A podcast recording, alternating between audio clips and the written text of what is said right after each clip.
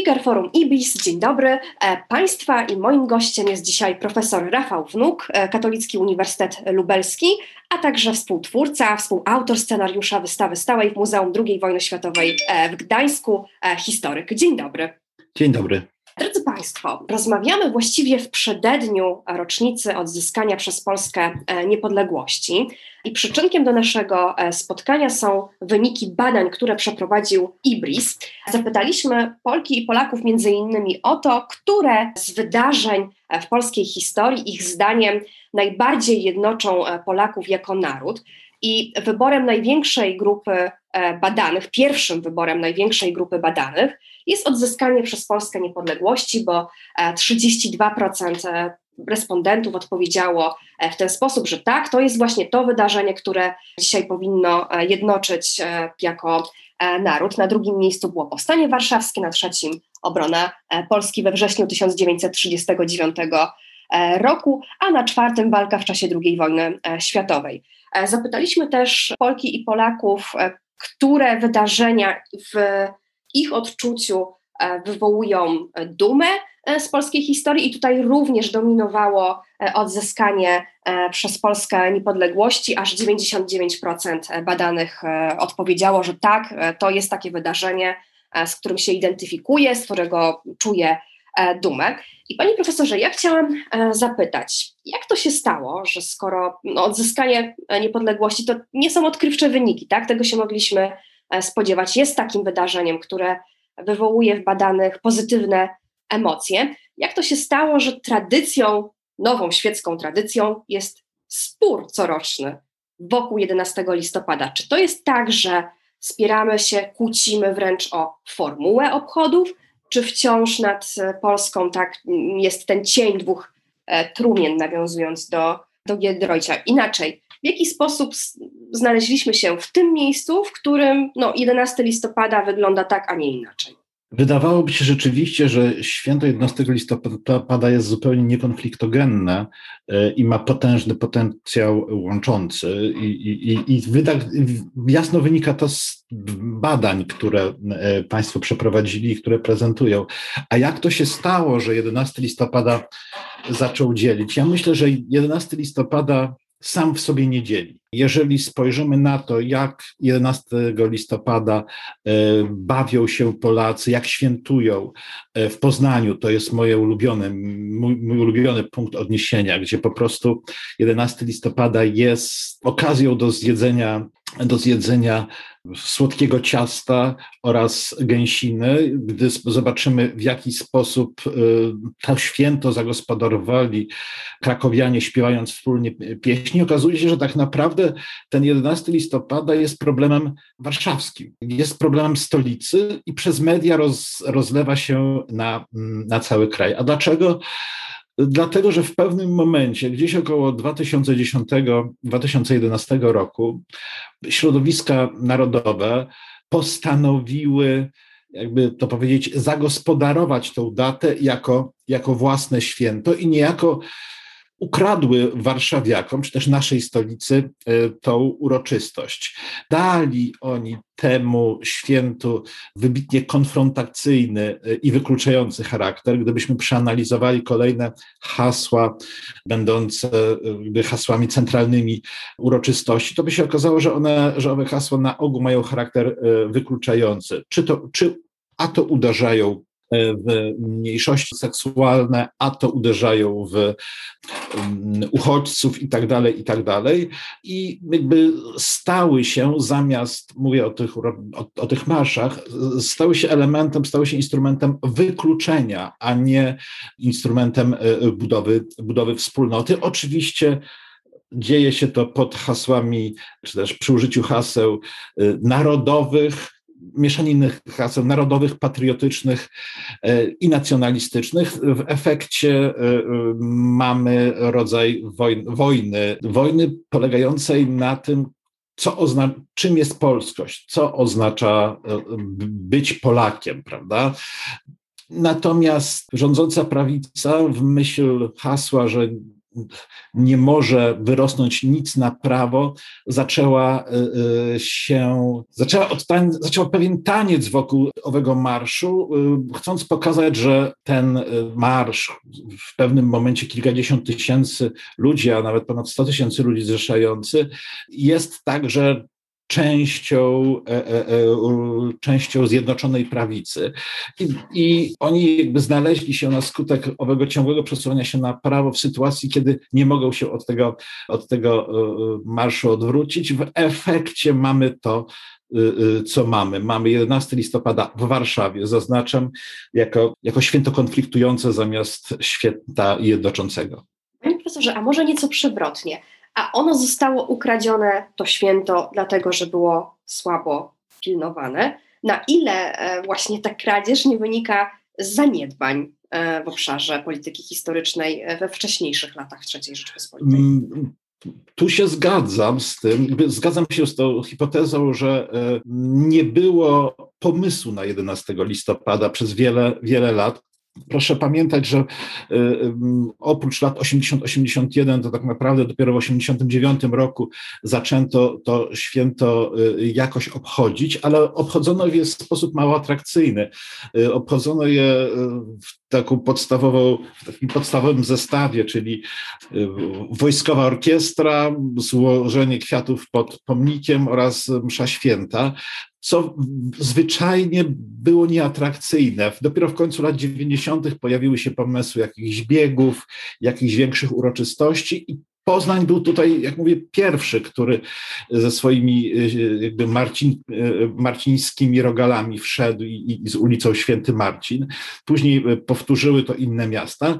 Warszawa nie miała takiego szczęścia. Być może to też wynikało z tego właśnie, że jest stolicą i, i warszawskie uroczystości centralne były na ogół organizowane nie przez miasto, tylko przez władze centralne, w efekcie stały się, jakby to powiedzieć, naturalnym łupem polityków, a politycy sami w sobie na ogół nie są ludźmi specjalnie kreatywnymi i y, raczej interesuje ich, raczej interesuje ich zdobywanie punktów politycznych, utwardzanie własnego elektoratu niż, y, y, niż budowanie szerszego porozumienia. Pierwszym politykiem, który próbował coś zrobić z 11 listopada, był Komorowski. On rzeczywiście miał pewien pomysł, możemy się spierać, czy dobry, czy zły, ale on rzeczywiście próbował coś wokół tego 11 listopada zrobić.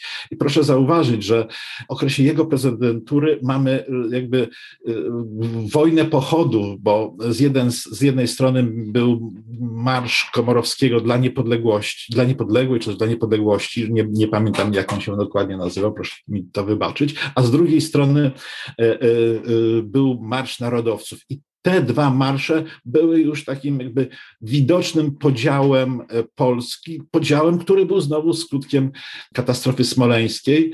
Wtedy ta energia konfliktu się tak bardzo, tak bardzo już skumulowała, że, że chyba trudno było od, od tego konfliktu już uciec.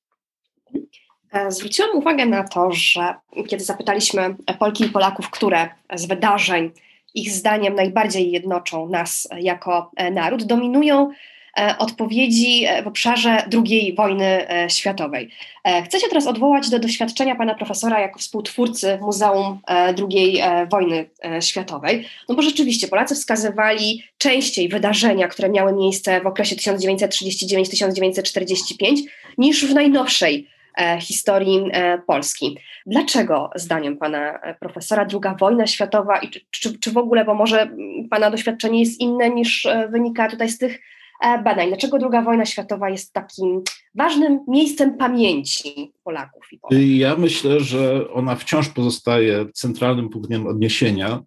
Y, mm, oczywiście wygrywa odzyskanie przez Polskę niepodległości, no bo to jest y, jakby ten mit wskrzeszający.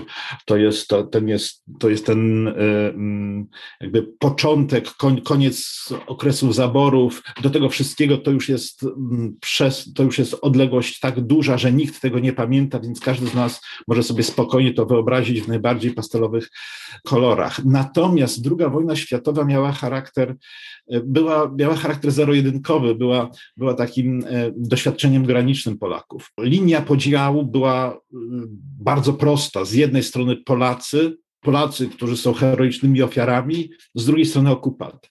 W związku z tym, no, trudno tutaj by było, da się oczywiście, ale w takim myśleniu społeczeństwa jako całości, jakby trudno tu znaleźć takie mocne podziały wewnętrzne. W efekcie mamy, mamy możliwość myślenia o sobie jako jedności, jako o czymś jako o czymś łączącym. Jeśli, jeśli weźmiemy pod uwagę e, doświadczenie już perelowskie, to wtedy wszystko przestaje już być e, takie jednoznaczne, bo część ludzi będzie w partii, część zdecydowana mniejszość w opozycji, prawda? E, wszystko zaczyna być względne. Jedni będą popierali politykę Gierka i będą to dla nich złote lata, inni będą uważali, że to są, że to jest czas roztrwaniania, roztrwaniania pieniędzy i złej gospodarki.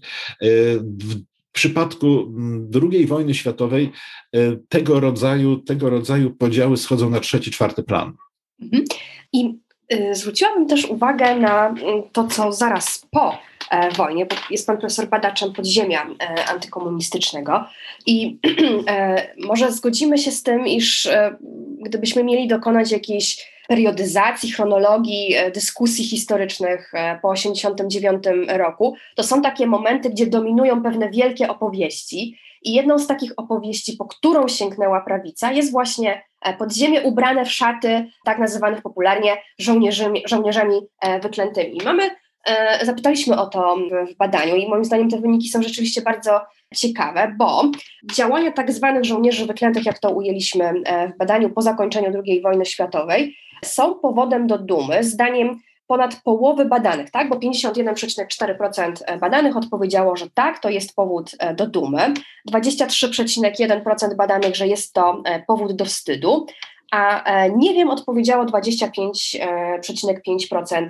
badanych. I może zatrzymajmy się na moment na tym etapie, bo potem jeszcze bym zaproponowała wejście w szczegóły, jak to się rozkłada wzdłuż linii poglądów, bo tam się dzieją rzeczywiście ciekawe E, rzeczy. Panie profesorze, jak pan się przygląda też jako badacz, historyk tego, tego okresu, e, tej opowieści, jak to, jak to wyglądało, jak się e, rozwijała, skąd w ogóle ten fenomen żołnierzy wyklętych i czy to też nie jest jakiś efekt zaniedbań, oddania pola przez drugą stronę? To pierwsza jakby część pytania, a druga, czy ten mm, mit pewien on wciąż działa tak samo jak na. Dodała Pani kilku rzeczy. Ja bym jeszcze dodał do wielkości, które, które Pani przytoczyła, e, rzecz taką, że podziemie antykomunistyczne jako, jako właśnie to, ten powód jednoczący, jako jak coś jednoczącego podało zaledwie 9,5% e, respondentów, więc ilość wskazań e, na podziemie antykomunistyczne była relatywnie relatywnie niska. I jeszcze jedna rzecz, która uderzyła mnie bardzo mocno i to było wręcz, no, może nie tyle odkrywcze, co potwierdziło pewne moje hipotezy w sposób jakby drastyczny, to podział na, na, na płcie. E, kobiety y, w 3% e, uznają to za ważne, ważny element jednoczący, mężczyźni w 16%. Czyli tutaj jest e, e, no, bardzo, bardzo ciekawe zjawisko. Ale mm, po pierwsze, jakby żołnierze wyklęci, no ja, sama nazwa jest problematyczna. Ja właśnie się jestem zdecydowanym zwolennikiem używania nazwy podziemie antykomunistyczne, bo Większość tych ludzi nie była, nie była e, e, żołnierzami, a zdefiniowanie wyklętyzmu no to jest, to jest rzecz, której się e, raczej nie podejmiemy w czasie tej, w czasie dzisiejszej rozmowy. Rzecz pojawiła się tak naprawdę na przełomie XX i XXI wieku, więc był to był to, była to opowieść, był, był, był to mit całkowicie nowy w społecznym obiegu, prawda? Rzecz wcześniej interesowała wyłącznie, wyłącznie specjalistów. I elementy tego mitu, czyli taki zero-jedynkowy charakter, antykomunizm jako najważniejszy y, wyznacznik patriotyzmu, zasada y, y, jednoznacznego podziału na, na nas i onych, prawda, na my, oni oraz, oraz odrzucenie kompromisu jako wartości. Ja nie mówię, że ci ludzie tacy byli, ale tak byli malowani. Okazały się no, takim, takim naprawdę atrakcyjnym e, produktem e, dla e, części, dla prawej strony sceny politycznej i, takim no, wysokooktanowym paliwem. I rzeczywiście już od, od początków, no powiedzmy od mniej więcej 2007-2008 roku, ten temat stał się, jakby to powiedzieć, odkryciem, odkryciem e, e, politycznym polskiej prawicy i, i na tym zaczę, zaczęła polska prawica budować swoją tożsamość polityczną i swój mit historyczny, niewątpliwie centralną rolę niewątpliwie olbrzymią rolę w budowaniu owego mitu odegrał Instytut Pamięci Narodowej e, i, i ludzie tam pracujący.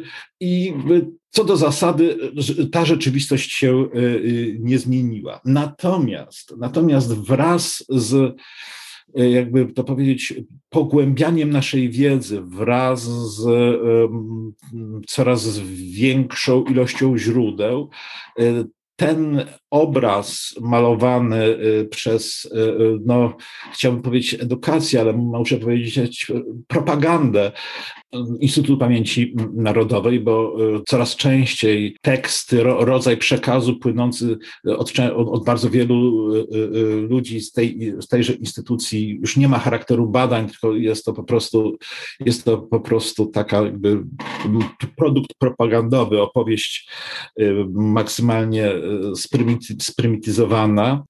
Wraz z pogłębieniem się badań naukowych coraz więcej rys i coraz więcej znaków zapytania pojawiło się i wciąż pojawia, jeśli mowa o, o, o części tej grupy, którą nazywamy powojennym podziemiem antykomunistycznym.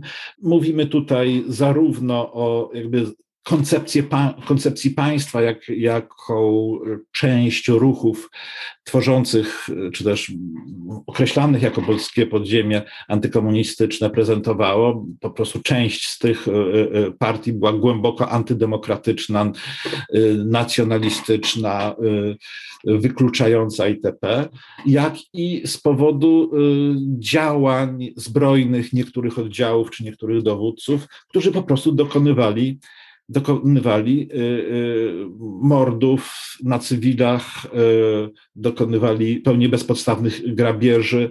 W końcu wojna ma to do siebie, że demoralizuje, część ludzi po prostu się zdemoralizowała. Mamy do czynienia z działaniami przeciwko mniejszościom narodowym, brutalnym, tutaj jakby takim, takim taką chorągią, już mocno rozpoznawalną jest oczywiście Bury, ale też mamy działania e, e, przeciwko e, Czyli, czyli działalność antysemicką.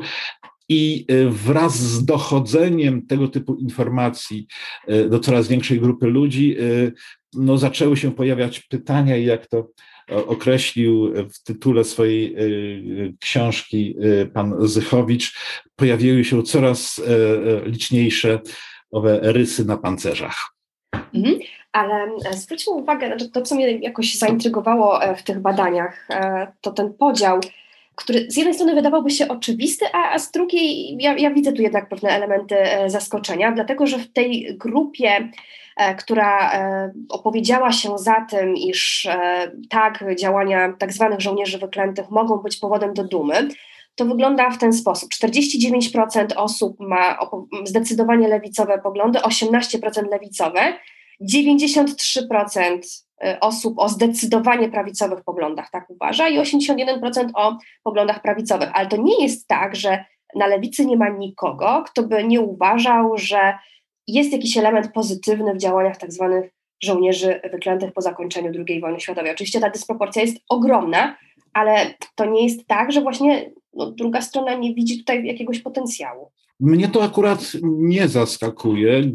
Ja zawsze podkreślam, że to jest bardzo skomplikowany problem i z tego wszystkiego, czym jest podziemie powojenne, można wyciągać różne wnioski i można na tym budować różnego rodzaju różnego rodzaju tożsamości. Ja, podkreślam częstokroć, że tak zwany pierwszy WIN, czyli największa, największa organizacja niepodległościowa, antykomunistyczna po, po wojnie, miała charakter, miała charakter pacyfistyczny, chciała działać drogą bez przemocy, a jej, wśród jej liderów byli ludzie z wybitnie lewicową Y, tożsamością. Proszę pamiętać, że jednak podziemie niepodległości, podziemie antykomunistyczne powojenne miało charakter niepodległościowy. Niektóre były niepodległościowe i niedemokratyczne, inne organizacje, inne grupy były absolutnie y, y, demokratyczne i, i, i jednocześnie niepodległościowe. Jakby ta, ten zbiór, jakim jest podziemie antykomunistyczne, może być także mm, zagospodarowywany jako, y, jako pewien mit również, również przez y, grupy lewicowe. I, i to, że, czy też liberalne, to, że do tej pory tego nie czyniły, czy też nie czyniono, no to jest, to jest jakby y, świadczy o pewnych problemach tych grup, i tych organizacji politycznych, społecznych działających na lewicy i w centrum, jakie, jakie mamy. Bardzo łatwo by, byłoby się tyłem ustawić do podziemia powojennego, powiedzieć, że to wszystko zbrodniarze i już, tylko że to będzie równie nieprawdziwy opis i równie wykrzywiający rzeczywistość, jak twierdzenie, e, że to byli wszystko żołnierze, którzy chcieli zginąć e, e, za Polskę Narodową na ołtarzu ojczyzny. Nie, każdy z tych, każdy z tych, każdy z tych ogólnień będzie niesprawiedliwe i nieprawdziwe. jeszcze jedno pytanie o, o podziemie.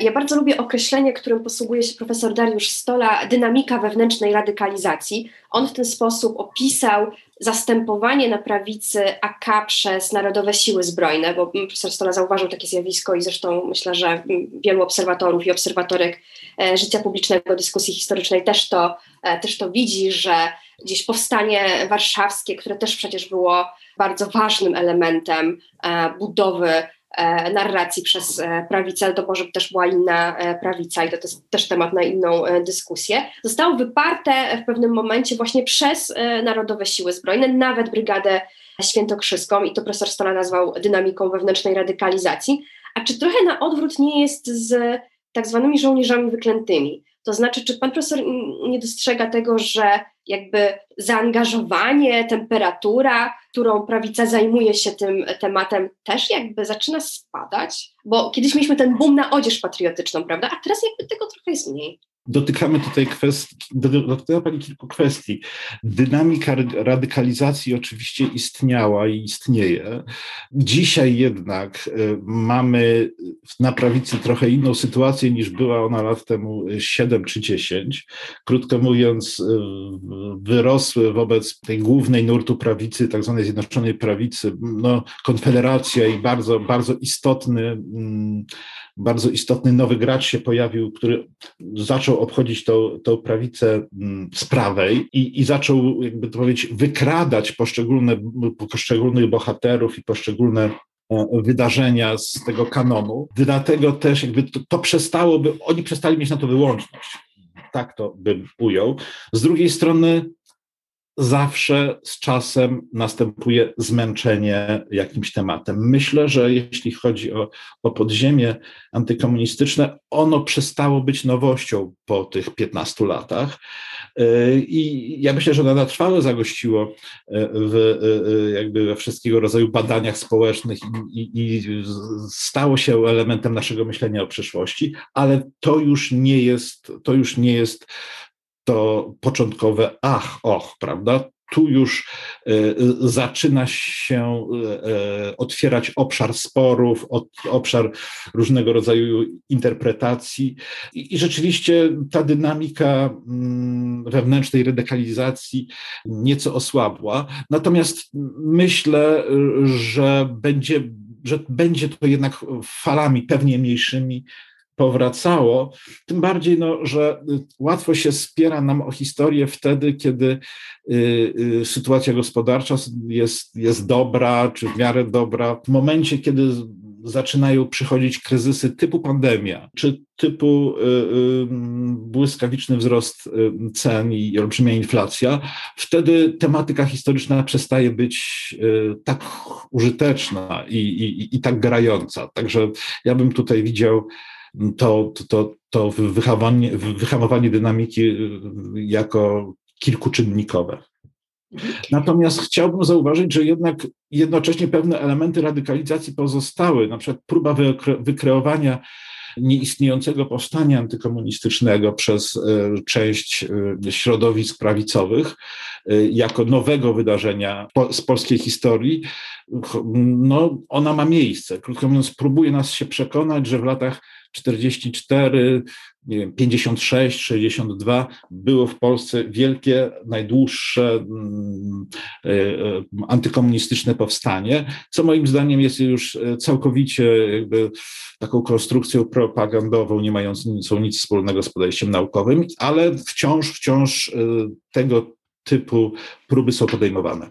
Powoli zmierzając e, do końca jeszcze kilka kwestii, ale tą, na którą bym chciała zwrócić uwagę, to również temat stosunków polsko-żydowskich w okresie II e, wojny światowej. Tutaj również odwołując się do doświadczenia pana profesora jako e, współtwórcy Muzeum II wojny światowej. No właśnie, jak te nasze dyskusje o stosunkach polsko-żydowskich się zmieniały w ostatnich, może inaczej, temperatura tej dyskusji, jej, e, mm, jej cele, e, wnioski, jak one się zmieniały w ostatnich 20 latach, bo widzimy w tych badaniach, że zdaniem 73%, e, ponad 73% Polaków pogrom Żydów w Jedwabnym jest powodem do wstydu. I może zapytam trochę prowokacyjnie i też nieco pod włos, czy to jest efekt tej słynnej pedagogiki wstydu?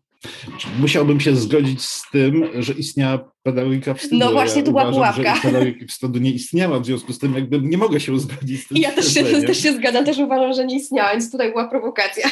Pewnością tak zwana dyskusja jedwabieńska uświadomiła dużej części Polaków, że jest problem stosunków polsko-żydowskich w okresie II mm, wojny światowej. ja te badania te wyniki dotyczące Jedwabnego e, zestawiam e, z wynikami dotyczącymi powstania w getcie warszawskim. Proszę zauważyć, że jeśli dobrze pamiętam, około 90% ludzi, które wskazało powstanie w getcie warszawskim, uznało je za powód do dumy, tak. prawda? Czyli mamy tu sytuację, kiedy polscy Żydzi i ich, i ich zrych są uznawane za część polskiej tradycji wolnościowej, z której powinniśmy być dumni. Czyli w tym momencie jakby Żydzi to także my, prawda? To, to jest także nasza historia. Tutaj mamy inkluzywność e, e, daleko idącą.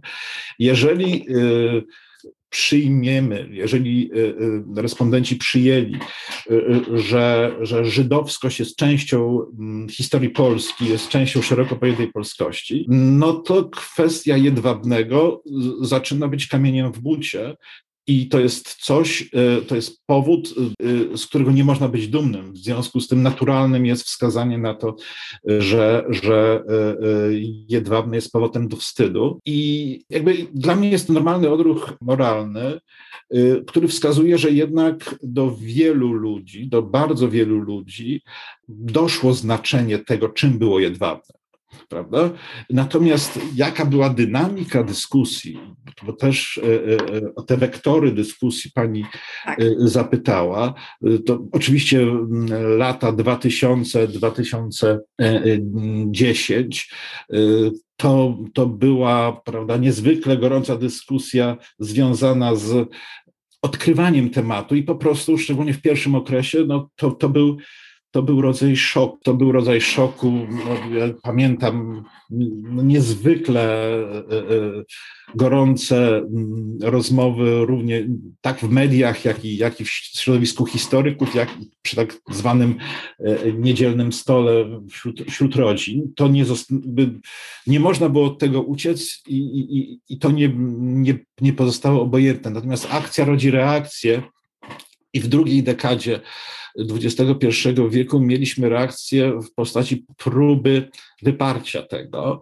y, próby pokazania, że to jednak, y, że to jednak y, nie tak, że to głównie Niemcy albo tylko Niemcy albo że rzecz jest niewyjaśniona, prawda?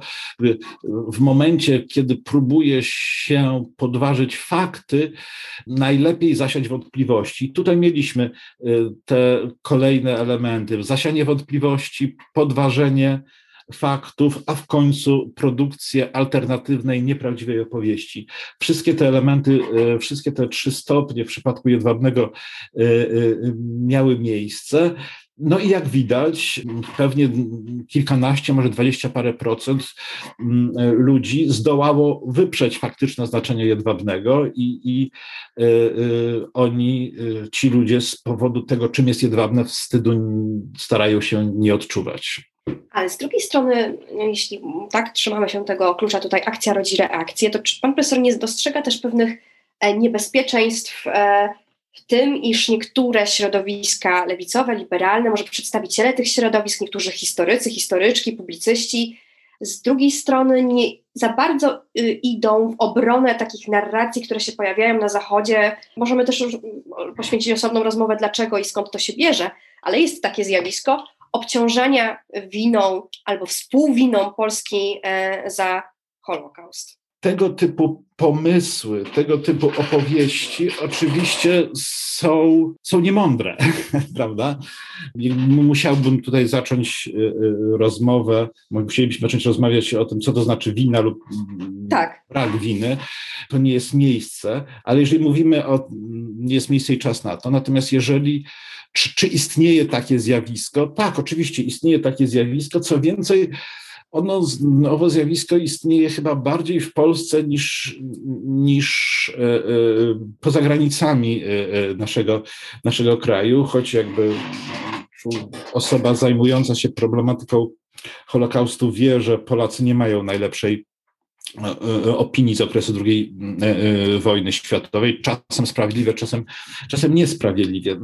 Natomiast taki rodzaj e, e, wybiórczego sumienia proponowany przez niektórych badaczy oczywiście istnieje i ja nie wiem, czy to jest reakcja e, na próby mm, wyparcia jedwabnego, czy to, czy to jest po prostu pewien rodzaj etycznego konstruktu, czy też mm, intelektualnego sposobu funkcjonowania tych osób. Tak, coś takiego, coś takiego istnieje, no i, i ono jest i ona no, nie jest z punktu widzenia dysku, dyskusji historycznej, z punktu widzenia poszerzenia naszej wiedzy y, y, trafne, choć myślę, że tak jak ci, którzy starają się wyprzeć, wyprzeć mord jedwabieński, tak jak tak również ci, którzy mm, radykalnie obciążają stronę polską, poniekąd zmuszają nas, historyków, do ciągłego mm, na nowo przemyśliwania y, rzeczy i mm, ciągłego, ciągłego przetwarzania naszej opowieści, czy też budowania nowego, nowych y, mm, sposobów argumentacji, co samo w sobie nie jest złe, nie, nie pozwala nam zasnąć, prawda, y, w samozachwycie. Y, y, niemniej jednak no, ja z takimi, z takimi radykalnymi mm, odczytaniami bym się nie, nie zgadzam się i, i, i będę z nimi dyskutował.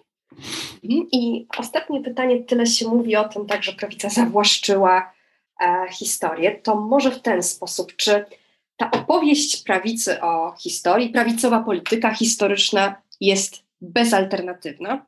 I czy na przykład... Nie zgadzam się z taką Aha. tezą. Uważam, że jest altern, że, że jakby ta prawicowa opowieść, która tak naprawdę z, y, zasadza się na e, martyrologii, heroizmie, swego rodzaju wyjątkowości, odwołaniu się do takich sarmackich wyobrażeń przypruszonych y, y, romantyzmem i nacjonalizmem, ona absolutnie ma alternatywy.